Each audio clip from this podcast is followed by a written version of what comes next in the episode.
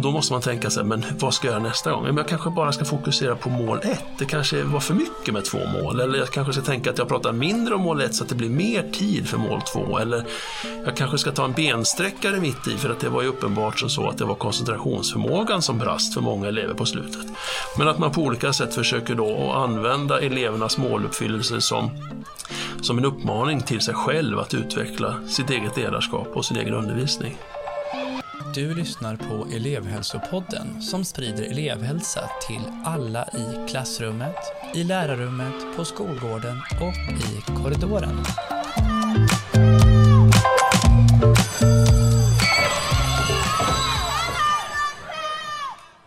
Hej igen Magnus. Hej. Nu sitter vi här igen. Ja. Eh, tredje gången gilt. Mm. Eh, och vi ska snart lyssna på eh, det tredje och sista avsnittet om, på det första temat, ledarskap i klassrummet. Mm, jätteviktigt tema. Eller hur? Ja. Det, har, det har varit ett roligt tema Mm. och, och jag- tror att det kan bli ännu roligare med det här sista forskarperspektivet. Mm. Eh, för nu ska vi helt enkelt lyssna på skolforskaren eh, Martin Karlberg. ja. Vad har du för förväntningar på, på det Martin ska säga? Nej, men jag tänker att han just kanske lite lyfter blicken och för in lite eh, Ja men lite så här, vad, vad, har- vad har vi ändå? Det finns ju forskning, vad säger den lite om? Mm. Och lite perspektiv på det. Mm. Eh, men jag tror inte det blir något, något helt revolutionerande nytt utan bara så här, ja just det. Mm. Här finns det ju faktiskt någon som har tänkt och ägnat lite tid åt Ja. att grotta i det här. Mm. Ja, men jag, är också, jag är också intresserad av just vad säger forskningen om Mm. ledarskap i klassrummet? För jag har inte koll på den ska Mm. jag säga. Och jag är också intresserad av, ja, men för Martin är ju, han är ju lärare Mm. och sen har han eh, på äldre dagar blivit forskare. Mm. Jag undrar hur han, hur han som lärare förhåller sig till forskningen. Mm. För det är inte alltid som forskningen är så tillgänglig och kanske vid en första anblick tillämpbar. Mm. Nej men det, så är det ju. Det behövs ofta någon som... Och det är väl det jag tänker Martin gör. Liksom översätter och, och även John eh, ofta. Liksom, Mm. Presenterar i ett lite mer lättsmält Ja. format. Och, och, men också då kvalitetskollat. För det är ju det är ju en forsknings... Det är ju en utbildning på fyra och ett halvt år minst. Mm. Och, och det är ju på något sätt att, att, att kunna sålla bort. För det finns ju fruktansvärt mycket studier. Ja. Där, där skulle jag nog vilja säga att Martin där kunna hjälpa oss med det. ja. Vi lyssnar på avsnittet Mm. så, så snackar vi om det efteråt. Mm.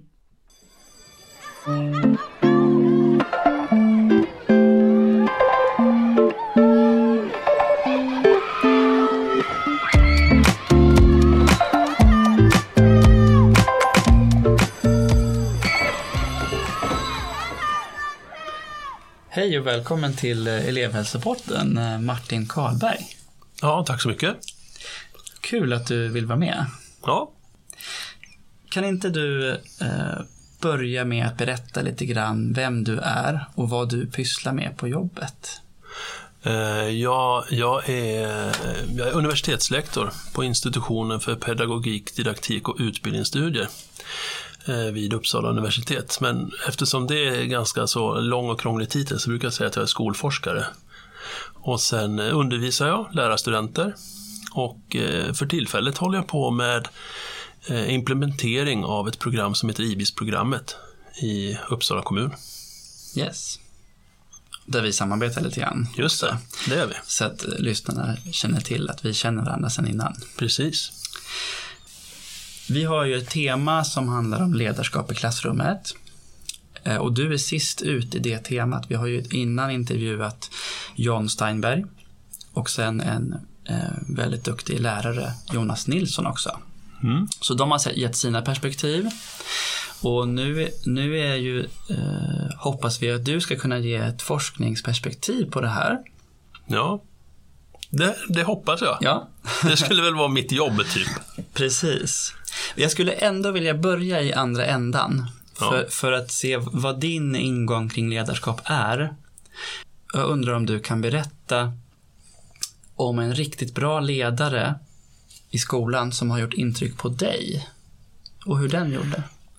Eh, ja, alltså jag skulle kunna berätta lite kort om tre stycken faktiskt. Jag tänker på min gamla kollega Anita som var en av mina första kollegor. Jag jobbade i Örebro och hon jag var ju nyutbildad, tämligen utbildad från eh, lärarutbildningen och jag tyckte hon var hopplöst gammalmodig.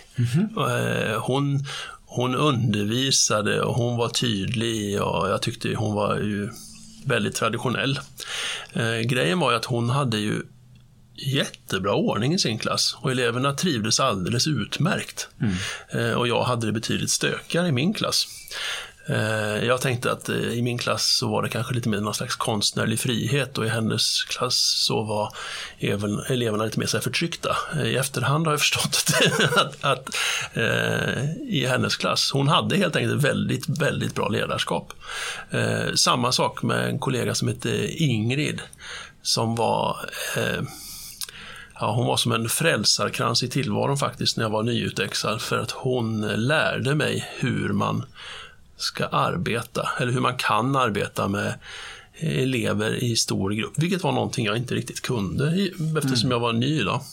Men hon kombinerade eh, starkt engagemang med eleverna, stora doser empati med ett väldigt tydligt ledarskap. Eh, och sen sist, den sista personen jag tänker på är faktiskt eh, en lärare till båda mina barn som heter Ann. Som jag har pratat ganska mycket ledarskap med. Och som, som ibland, hon säger ibland emot forskningen. och hon, ja, och jag tänker, men man kan inte säga emot eh, Jakob Kunin, liksom, han är en förgrundsfigur inom ledarskap i klassrummet, men hon argumenterar jättebra utifrån att eh, ja, men om jag skulle följa Kunins princip om att alltid ha ögon i nacken och att agera direkt som någonting händer för att kväsa minsta stök i klassrummet, då skulle det kunna innebära att, att jag i stunden flyttar fokus från den eleven som jag håller på och instruerar vilket hon menar då skulle vara ett sätt att visa den eleven bristande respekt. Mm. Så jag tycker att eh, det finns, det finns jag, ska inte, jag ska definitivt inte säga att man bör agera tvärs emot forskningen. Men ibland är det faktiskt som så att en del saker som vi tar för givna, de bör diskuteras. Och det kan finnas goda argument för att åtminstone i stunden avvika från, från eh, forskningen så att säga. Och man kan fatta goda, fatta goda beslut baserat på tankar om elevers värdighet och respekt för eleverna. Och, Just det. mm, så att, men jag skulle säga, jag har sett jättemånga goda exempel på ledarskap. Och det som, det som eh, är genomgående i de här exemplen, det är liksom tydlighet, engagemang och eh, empati, skulle jag säga. Det är det, Just som det. Gör, det är det som gör ett gott ledarskap. Men vad intressant att, vad hette hon Ann den sista? Ann, ja. Ja, precis. Att hon ju utmanade dig lite grann kring det här med forskningen. Eh, Jag undrar om det kanske har att göra med att ehm, som lärare och praktiker, eh, då behöver man ju integrera både sina färdigheter och erfarenheter förhoppningsvis med forskning. Mm. Det, ja, det kommer ju aldrig gå att stå och ha en, en artikel, en forskningsartikel som man utgår ifrån när man undervisar. Nej, alltså, nej, och jag tänker att eh, det är ju det är ju det svåra och utmanande men samtidigt stimulerande med, lärar, med läraryrket. Att man har, man har liksom på något sätt ansvar för att ha tusen, delvis motstridiga ibland, forskningsartiklar och sin egen erfarenhet och den erfarenhet som finns i lärarkollegiet. All den kunskap ska man ha till hands i de flesta situationer för att kunna agera på olika sätt. Så att eh, jag skulle säga att det vore ju eh, förmodligen ganska dåligt ifall man eh, tillämpade en eller två forskningsartiklar fullt ut och bara litade på dem. För att eh, ledarskap i klassrummet är ju mer komplext än så. Mm. Eh, så forskning ska inte tas som någon slags frikort att man gör precis så som forskningen säger och sen har man inte något ansvar för vad man gör.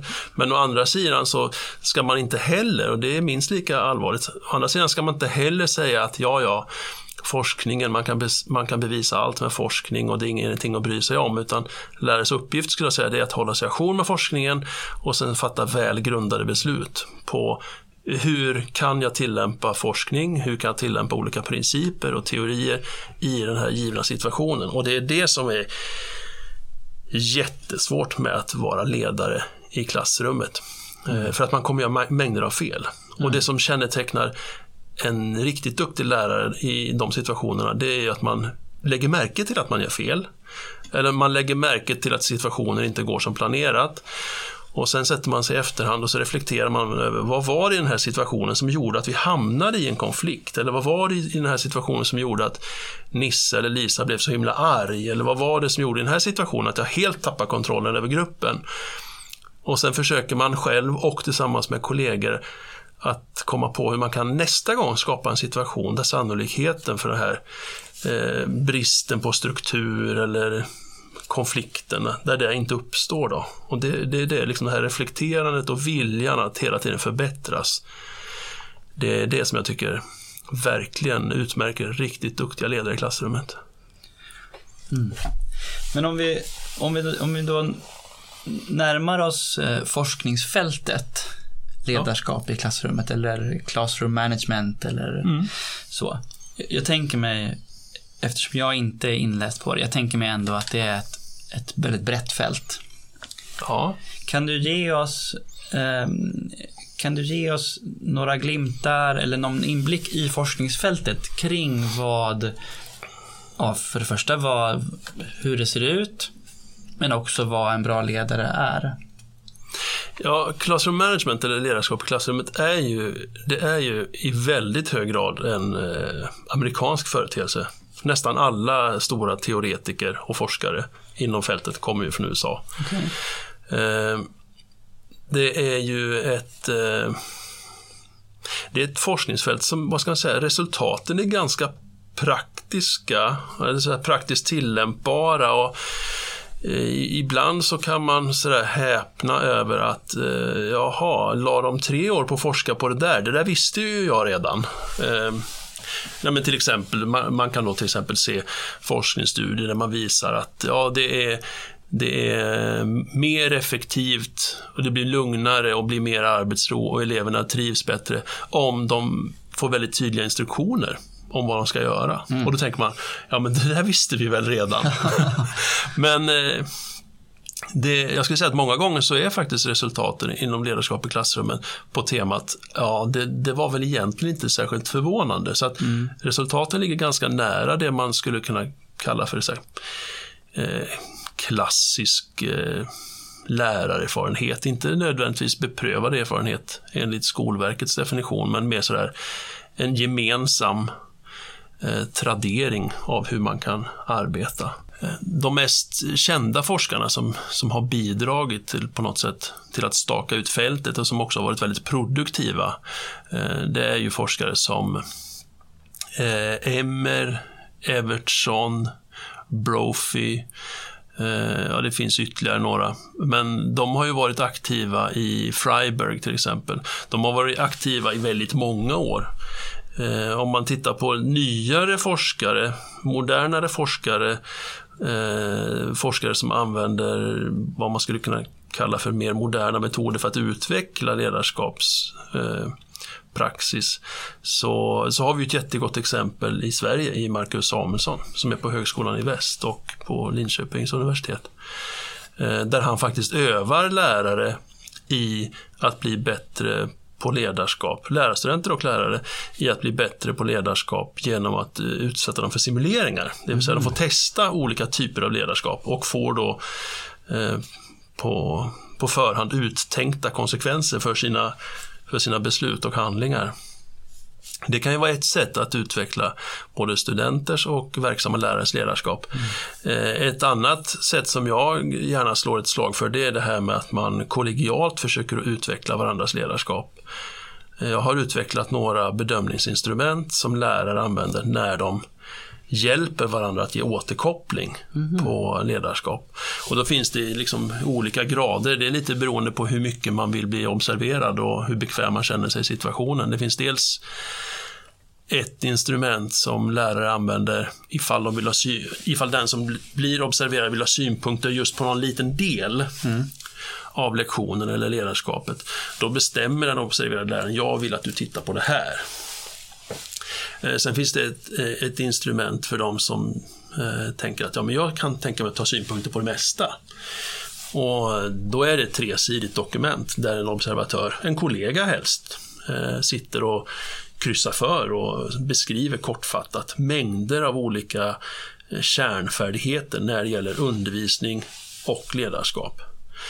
Och sen, Vad kan det vara för kärnfärdigheter? Det kan handla om hur man till exempel hur inleder man lektionen? Hur skapar man engagemang och intresse? Presenterar man målen vid inledningen av lektionen? Ehm, det kan också handla då, kopplat till målen, hur man avslutar lektionen. Sammanfattar man? Eh, följer man upp elevernas lärande? Ser man om de uppfyller målen? Eh, tar man in elevernas synpunkter eh, och hur de uppfattar saker? Sen kan det också handla om hur man använder rösten, om man, om man hörs, om man gör pauser, om man har varierad röst. Mm. Det kan handla om position i klassrummet, om man rör sig tillräckligt eller om man rör sig för mycket, om man står med ett väldigt slutet kroppsspråk eller om man har ett mer öppet kroppsspråk. Eh, det kan helt enkelt handla om det mesta som har med undervisning och ledarskap att göra. När jag, och när jag säger det mesta så menar jag att rättare sagt, det handlar om ganska många aspekter av ledarskap och undervisning, men det handlar om aspekter som forskningen har visat sig vara effektiv när det gäller att påverka arbetsro, trivsel, lärande och utveckling. Så att, eh, ja. Och om du skulle lyfta fram, säg tre, fyra sådana nyckelbeteenden som framgångsrika lärare har. Vad, vilka är det? Eh, då skulle jag säga att eh, i klassrummet tillsammans med eleverna eh, så skulle jag säga att en av de viktigaste är att man har förmåga att skapa god relation till eleverna. Och det, förutom att det är trevligt så har det väldigt hög effekt på elevernas skolprestationer. Mm. Men då är frågan, och det var lite det du var inne på tidigare, hur, hur, gör, hur gör man det då?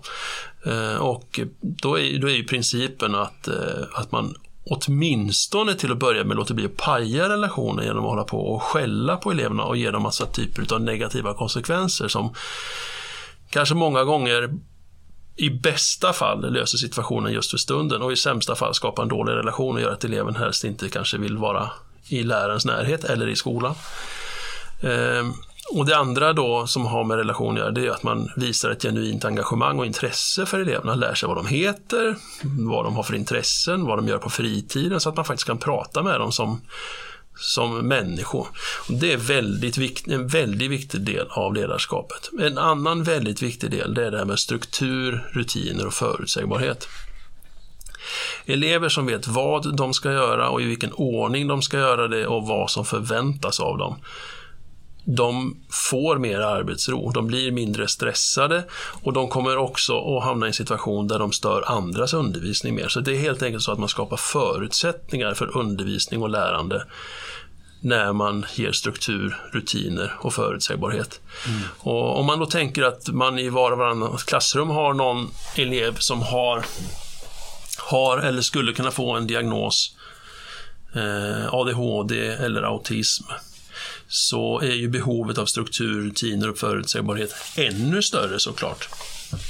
Och i, i de, jag brukar tänka att i de bästa fall, i de bäst, bästa klassrummen eller där det funkar som bäst, så behöver det inte vara ett jättestort handikapp eh, att ha bristande koncentrationsförmåga till exempel. För om man får en undervisning som är väldigt väl tillrättalagd så kommer man att funka bättre. Och Det är ju något som gynnar även de som inte har till exempel brister i koncentrationsförmåga eller andra exekutiva funktioner. Ja. Jag brukar ibland eh, lite poetiskt tänka på eh, elever som har ADHD och autism som klassrummets kanariefåglar. Om du tänker på de här gamla gruvorna där, där liksom man kunde råka ut för syrebrist eller koldioxidförgiftning eller vad mm. det nu hette. Mm. Där hade man kanariefåglar med sig. Och när de dog, då förstod man att här är ett dåligt klimat. Här måste vi, som vi måste bort härifrån. och lite så är det faktiskt med de här eleverna som har eh, särskilt stora behov av extra stöd. Eh, när de inte börjar funka, då kan det vara en indikator på att här är en miljö som kanske inte är helt optimal för lärande. Om man har en miljö i klassrummet, det ska jag säga, om man har en miljö i klassrummet där elever med exempelvis ADHD och autism fungerar väl, då är det oftast en indikator på att man har väldigt tydlig struktur, bra rutiner och en hög grad av förutsägbarhet. Mm. Så att i någon mån ska vi då givetvis vara väldigt tacksamma för att de här eleverna finns i våra klassrum, för att det är någon slags kvitto på hur väl ledarskapet fungerar. Och du menar alltså att de, de kan faktiskt eh, hjälpa oss på ett sätt eh, att utveckla vårt ledarskap och se också i, i vardagen när vi behöver skruva på olika delar? Ja, det skulle jag säga. Mm. Eh, som lärare är det klart att om man har 28 elever och så har man några elever som är synnerligen utmanande så klart att de där eleverna som är synnerligen utmanande de kanske inte känns som någon tillgång just i stunden. Eh, det har jag full förståelse för. Men å andra sidan om man kan lära sig någonting och det är ju någonting som kännetecknar de flesta lärare som är både de flesta lärare som jag känner och de flesta lärare som är effektiva och duktiga i klassrummet, så är det ju att man lär sig någonting av sina misslyckanden. Och med de här eleverna som utmanar oss mycket, då finns det ju många tillfällen att misslyckas. Så då finns det ju potentiellt också många tillfällen att utvecklas. Mm. Så nu har du nämnt eh, det här eh, relationen och gått in mycket på det. Eh, struktur och tydlighet. Eh, I undervisningen gentemot eleverna. Är det någon mer sån här best practice som, som vi har eh, inte tagit med? I så fall så skulle jag vilja ta upp en sak som då har att göra med, eller två saker. Den ena, de båda två befinner sig i gränslandet skulle jag säga mellan ledarskap och undervisning. Och, och det första har ju med reflektion och återkoppling att göra. Just att man eh, har en ambition att enskilt och tillsammans med kollegor att utveckla sitt ledarskap och, och sin undervisning. Och att man eh, samarbetar, att man bjuder in varandra i klassrummen, att man samverkar och har kanske kollegialt, eh, alltså att man undervisar i par ibland. Men att man på olika sätt försöker att lära av varandra, för det har väldigt hög effekt på eh, elevernas skolprestationer. Plus att det är, det är inte gratis givetvis, så man måste ju avsätta tid för det här. Men det är ju ett synnerligen effektivt sätt att utveckla lärares ledarskapskompetens och undervisningskompetens utan att det behöver kosta allt för mycket pengar. Eh, och sen eh, det sista som då också rör sig lite i gränslandet mellan undervisning och ledarskap, men övervikt åt undervisning, det är just att det här med att vara tydlig och presentera undervisningens mål så eleverna vet vad de jobbar emot. Och mm. att man dessutom då följer upp dem för att se i vilken mån nådde de målet. Och det är nu det viktigaste kommer. Och det är att när man inser att nej, men det var faktiskt ganska många som inte nådde det ena kanske av de två målen man hade. Då bör det få effekt för undervisningen. Hur då? Ja, alltså det i värsta fall så skulle man ju kunna tänka sig att ja, men jag var ju jättetydlig. Jag, jag berättade ju om att vi hade två mål och sen har vi haft 60 minuter på oss för att eleverna ska lära sig de här två målen. Och sen är det några stycken som inte har lärt sig mål nummer två. Och så kanske man då gör tolkningen att Jaha, då har de varit ouppmärksamma eller ja, de är lata eller mm. eh, de har inte följt min plan. Just det. Och det man då gör det är att man lägger ansvaret på eleverna. Så snarare bör det vara så att man samlar in kunskap om i vilken grad eleverna uppför, upp, uppfyller målen för att utveckla sin egen undervisning. Om man ser att eleverna, ja men de uppfyller mål 1 som jag tänkte de skulle lära sig, det gör de jättebra. Ja men då är det uppenbarligen så att min undervisning om mål 1, den var bra. Det var undervisning på rätt nivå, det var struktur, arbetsro och så vidare. Mål två, varför funkar inte det? Jo, men det kanske var för att jag blev stressad på slutet, tiden tog slut, jag hann inte riktigt, det blev lite rörigt, elevernas koncentrationsförmåga blev sämre och då måste man tänka sig, men vad ska jag göra nästa gång? Jag kanske bara ska fokusera på mål ett. Det kanske var för mycket med två mål. Eller jag kanske ska tänka att jag pratar mindre om mål ett så att det blir mer tid för mål två. Eller jag kanske ska ta en bensträckare mitt i för att det var ju uppenbart som så att det var koncentrationsförmågan som brast för många elever på slutet. Men att man på olika sätt försöker då använda elevernas måluppfyllelse som som en uppmaning till sig själv att utveckla sitt eget ledarskap och sin egen undervisning. Ja, men jag vet inte om jag ställde frågan tidigare om det här med processen, hur man då eh, lyckas. Hur ska man eh, lyckas utveckla sitt ledarskap? Nu har ju du kommit in på det, tänker jag, ganska mycket. Och du har gett rika exempel kring då hur man reflekterar kring det som faktiskt har hänt och hur man då kan ta hjälp av kollegor. Mm. Som, som, att kollegial handledning är, är en process för att utveckla sitt ledarskap. Mm. Men man kan också utveckla sitt ledarskap på andra sätt. Ja, det var det jag var intresserad av. Ja, jag förstod att den frågan skulle komma. men jag tänker på till exempel det som Marcus Samuelsson då gör med, med eh, simuleringar. Men sen kan man ju faktiskt också, man kan ju, man kan ju utbilda sig mm. i ledarskap. Mm. Och man kan gå kurser. Mm. Eh, antingen poänggivande kurser eller så kan man gå kurser som man anordnar lokalt. Men då är ju mer principen att man kanske övar, övar sig på att eh, bli duktigare på vissa ledarskapsfärdigheter. Och och det kan, ju, det, det, kan låta tekniskt men det kan till exempel handla om att man lär sig att hantera olika typer av tekniker vid konflikter eller att man lär sig att eh, hur skapar jag goda relationer med elever? Mm. Man kan lära sig hur man ska disponera tid, hur man ska förhålla sig till det här med mål, att ge och följa upp men det är faktiskt, man kan ju man kan lära sig, antingen så lär man sig av någon som vet mer. Eh, man kan gå en kurs och förhoppningsvis är också då levererat av någon som vet mer. Eller kan man läsa en bok, man kan gå mm. skapa som en eh, studiecirkel på sin skola eller i sitt arbetslag. Eh, så det, det, finns många sätt att uh, utveckla sitt ledarskap. Det vi, det vi kan, slutsatsen vi kan dra skulle jag säga, är att man, man är definitivt inte färdigutbildad med sitt ledarskap när man kommer ut som färdigutbildad lärare. Och jag pratade med en av de klokare lärare jag känner för ett tag sedan.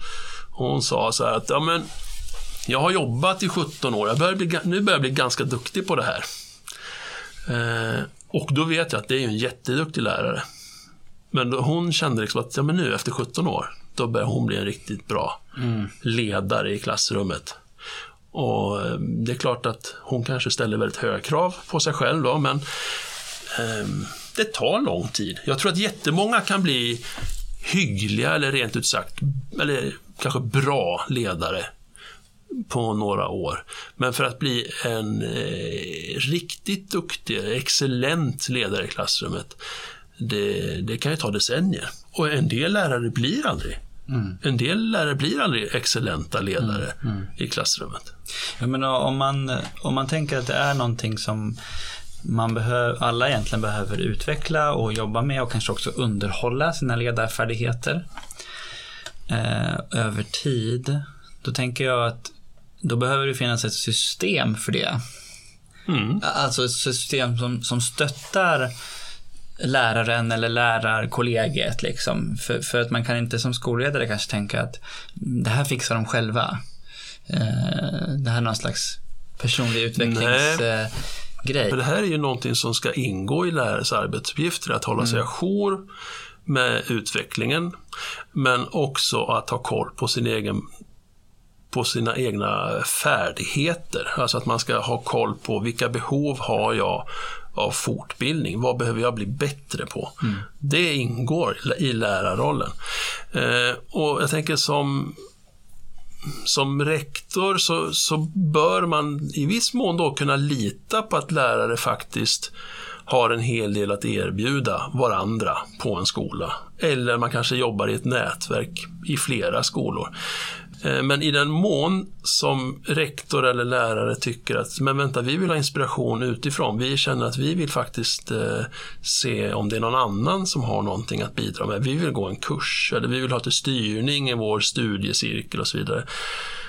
Så måste ju någon eh, kommun, friskolekoncern, universitet eller någon måste ju kunna erbjuda någon form av utbildning som både håller kvalitet och som baseras på forskning.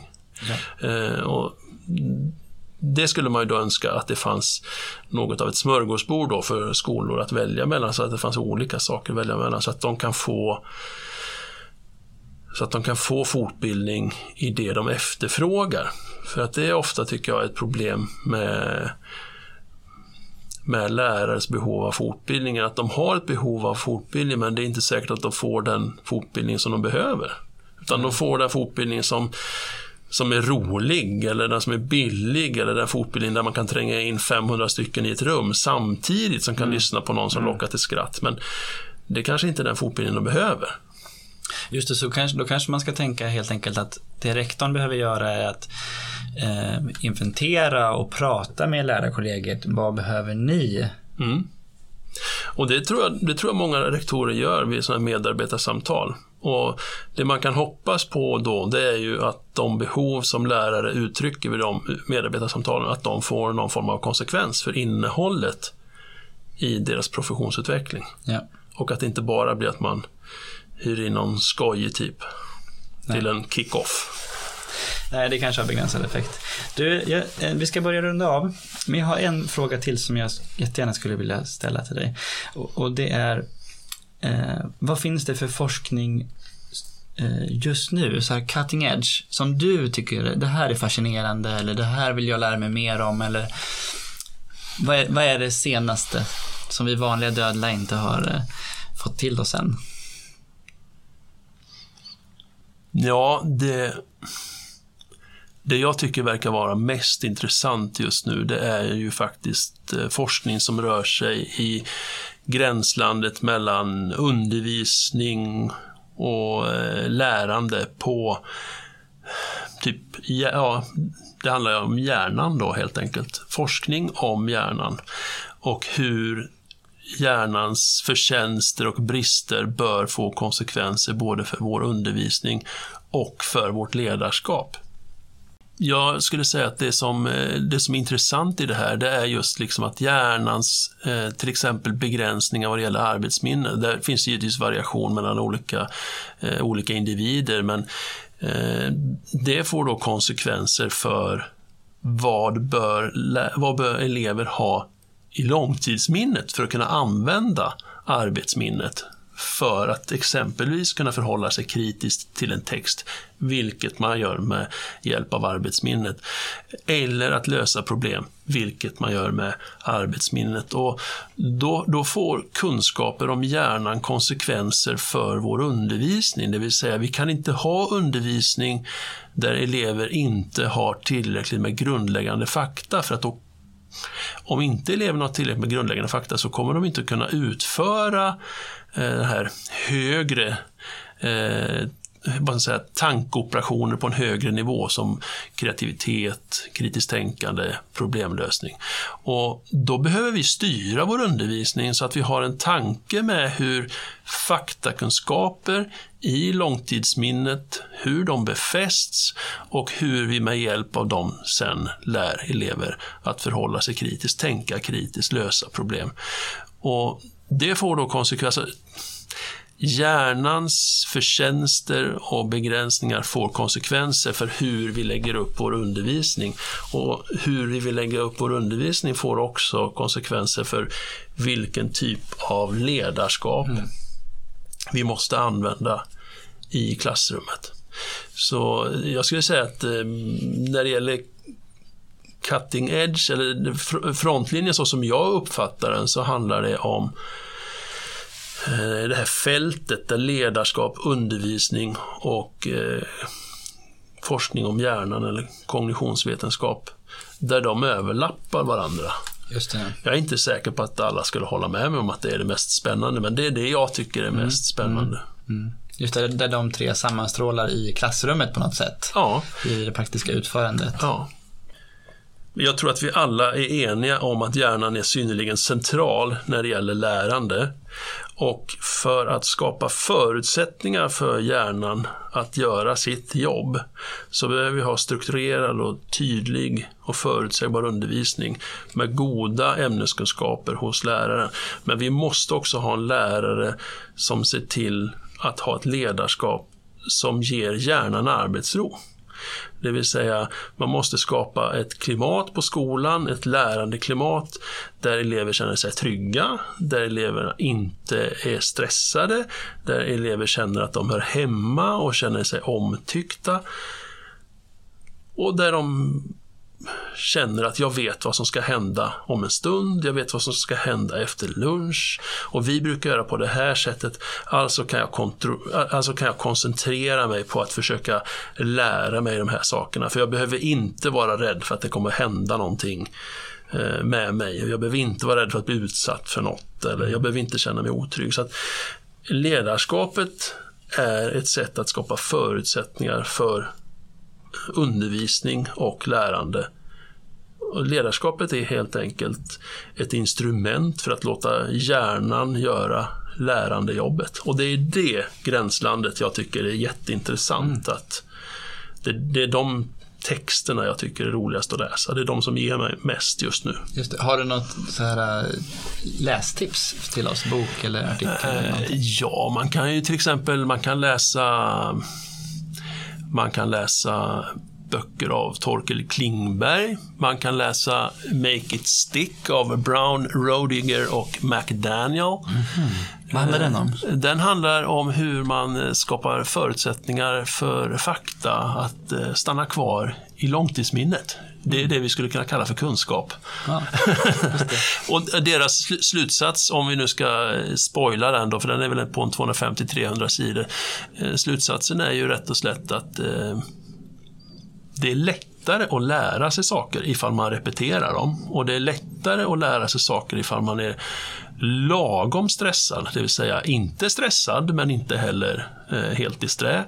Och att det är lätt lättare att lära sig, eller rättare sagt, man får saker att fastna i långtidsminnet ifall man anstränger sig lite.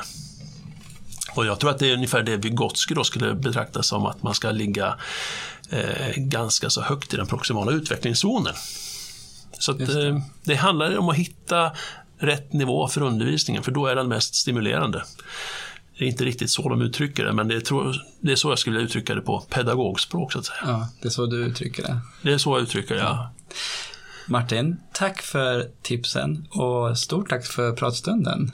Tack själv. Vi hade kunnat fortsätta en timme till. Det var jättetrevligt och jag, ja, hade jättegärna fortsatt. Vi kanske kan göra om det en annan gång. Ja. Spinner vi vidare. Ja, men då väljer vi något smalt ämne som vi kan nörda ner oss i, i, i en timme eller så. Jättegärna. Ja. Tack för att du kom. Tack så mycket, tack så mycket.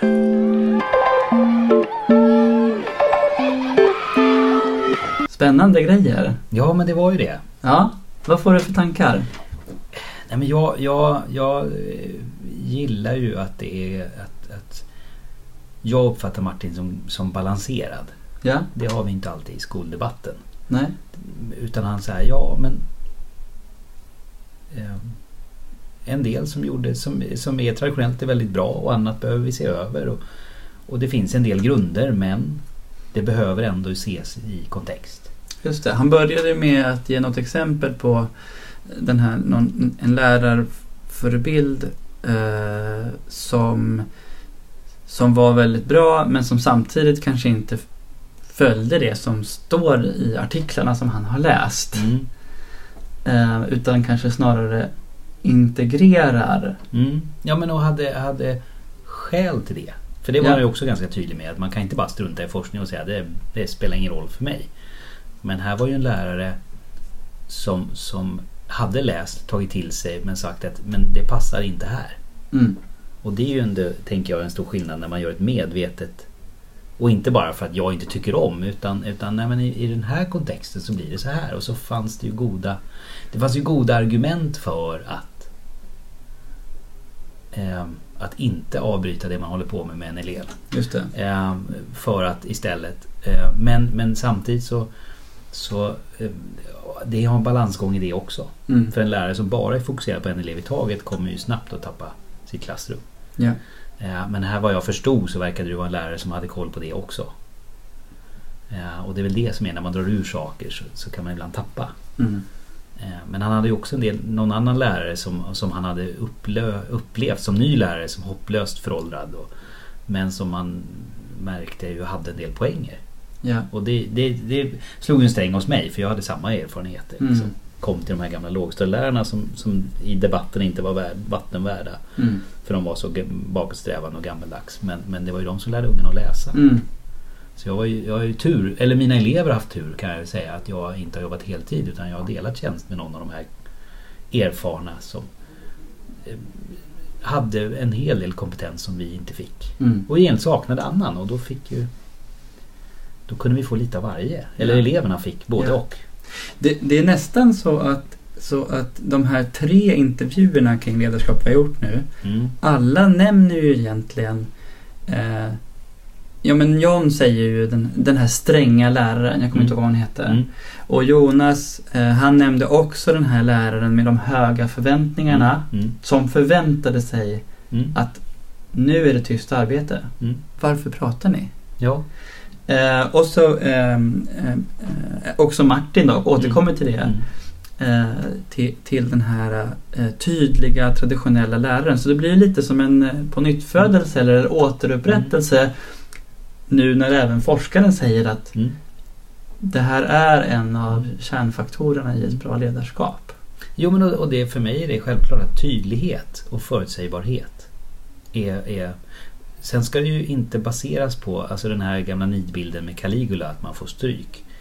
Eh, nej men det är ju inte den tydligheten någon pratar om. Men eleverna vet vad som förväntas av dem. Mm. Och, och när det görs avsteg, för det är barn och unga testar ju saker, det är deras uppdrag. Då måste läraren reagera och den måste reagera adekvat. Mm. Men den måste ändå på något sätt medvetet välja sitt agerande. Mm. Eh, Just det. Och, och det ska man också säga att det här med tydlighet eh, som lärare, eh, det är ju ingenting som man bara sätter på play. Utan det kräver ju oerhört både den här erfarenheten mm. men inför varje moment och lektion förberedelse Mm. att man vet hur man ska leverera lektionen. Mm. Hur man ska ge en tydlig instruktion. Mm. Hur man ska Ja, Dela det upp arbetet. Ja, det handlar ju om hela inramningen och där var även Jonas tydlig. Liksom. Starten. mm, Hur tar jag emot eleverna? Det är en sån här jätteenkel grej. mm, Men det är klart när man väl har tagit emot eleverna. mm, Ja då, då sätts ju din didaktiska kompetens på prov. Den är ju, alltså du kan ju inte, ett, ett ledarskap som är innehållslöst är ju inget. Ungarna är ju faktiskt där för att lära sig saker. mm, Alltså, det står ju inte sitt still och vara tyst någonstans i läroplanen. Det står att de ska lära sig massa saker. mm. Och arbetsro är, är en förutsättning för att lära sig. Eh, Så hur skapar vi det? Men det betyder ju inte heller att det alltid är helt tyst. Och Nej. tystnad för sig, nej men det är ju för att det finns. Och då krävs det ju också att läraren har en didaktisk kompetens. Eh, Och har valt sin undervisning och gör den meningsfull och begriplig och Mm. hanterbar. Jag tycker att det är intressant den här processen mot att utveckla sitt ledarskap. Mm. För det är ju väldigt enkelt att berätta om en förebild eller att presentera forskning kring eh, vad är goda ledaregenskaper och så sen bara lämna det till skolpersonal att Mm. nu vet ni hur man, man ska vara tydlig. Mm. Ma- Man ska skapa relation. Varsågoda. Mm. Jag är intresserad av processen också. Mm. Ja, men och han beskriver ju ändå här, eh, den här processen, att, och, eller också att eh, bra ledare, eh, de använder sig av eh, liksom feedback från eleverna Mm. Av sina observationer för att anpassa Mm. sitt ledarskap, för att anpassa undervisningen. Det var något exempel där med, eh, ja men du hade två mål på lektionen, Mm. eleverna uppfyllde ett. Mm. Hur kommer det sig? Det är ju en process, Mm. en reflektiv process som Mm. ledaren behöver gå igenom för att kunna gå in i nästa situation på ett Ja, bättre sätt. och, och behöver gå igenom med rätt attityd. Det är väl den jag i alla fall uppfattar Martin. För att det är så här, vad kan du förändra? Mm. För att de även ska omfamna mål två nästa år. Ja. Det handlar ju inte om att eleverna inte gjorde tillräckligt bra. Nej. Utan det är så här, okej, de nådde inte båda målen. Vad kan jag förändra i min undervisning? Ja. Vad behöver jag förändra i undervisningens design? Hur lägger jag upp lektionen? Jo men det var på grund av att jag var otydlig eller arbetsformen faktiskt inte passade. Eller, eh, det tycker jag alla tre har pratat mycket om lärandet. Mm. Att man inte är färdig som lärare någonsin. Just det. Eh, Och man måste ju ändå basera på, funkade det? Alltså datadrivet. Eh, Mm. Funkade det? Nej, okej. Vad kan jag göra annorlunda nästa gång? För att det är ju tur att vi... Det är inte hjärnkirurgi där man har en chans att göra rätt. Nej, tack och lov. Det, det är ju liksom inte så utan i allmänhet så träffar vi dem fler gånger. Ja. Och då får vi en chans till. Och då är det klart att då kan man ju inte heller eh, liksom, ja, det gick dåligt förra gången, vi provar en gång till på exakt samma sätt. Nej. Eh, hur många gånger kan man göra det? Liksom? Mm. Där kan ju ändå forskningen säga att det här brukar funka. Eller det där brukar inte funka. Och, och Mm. det här är ändå något slags samlat. Men sen, måste man, sen står man där i mitten och du säger också någon så här, jo men man kan ju inte stå med en avhandling i handen och köra. Nej, men de ger ändå perspektiv.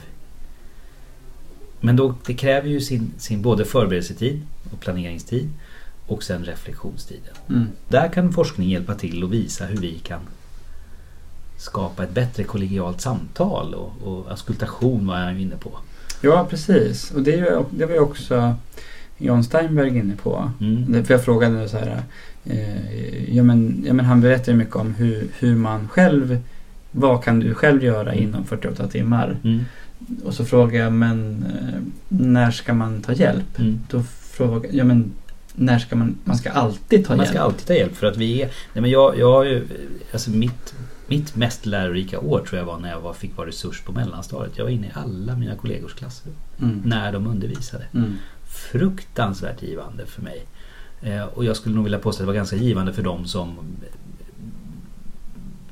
ville prata efteråt. Mm. För man ser jättemycket saker när man själv inte undervisar som man missar när man undervisar. Det är, sådana är vi alla. Och, och det tänker jag är, är alltså, ledarskapsföreläsningar är all ära, det håller jag ju själv. Eh, men man, men man, det är nog ännu mer effektfullt om man tittar in, eller jobbar, faktiskt gör en organisation och kultur där man jobbar mer tillsammans. För att ingen lärare blir sämre av en annan i rummet. Nej. Eh, Nej. och kan man sen dessutom reflektera om det så blir det ännu bättre. Men bara att vara mer och se varandra och se, ah så där, så kan man ju, ja just det, Mm. det där var bra Mm. att börja lektionen. Eller oj då, det där blev ju konstigt. Mm. Eh, eh, Ja, jag tycker att eh, det vore jättekul att höra från eh, lyssnarna vad de får för tankar Mm, kring temat. mm, Och eh, om, det, jag, om, om någon har blivit inspirerad av att testa någonting mm, själv eh, eller om de har velat testa någonting med någon eh, kollega eller i Mm. ett kollegie. Det Mm. vore jättekul att höra om någon har gjort det.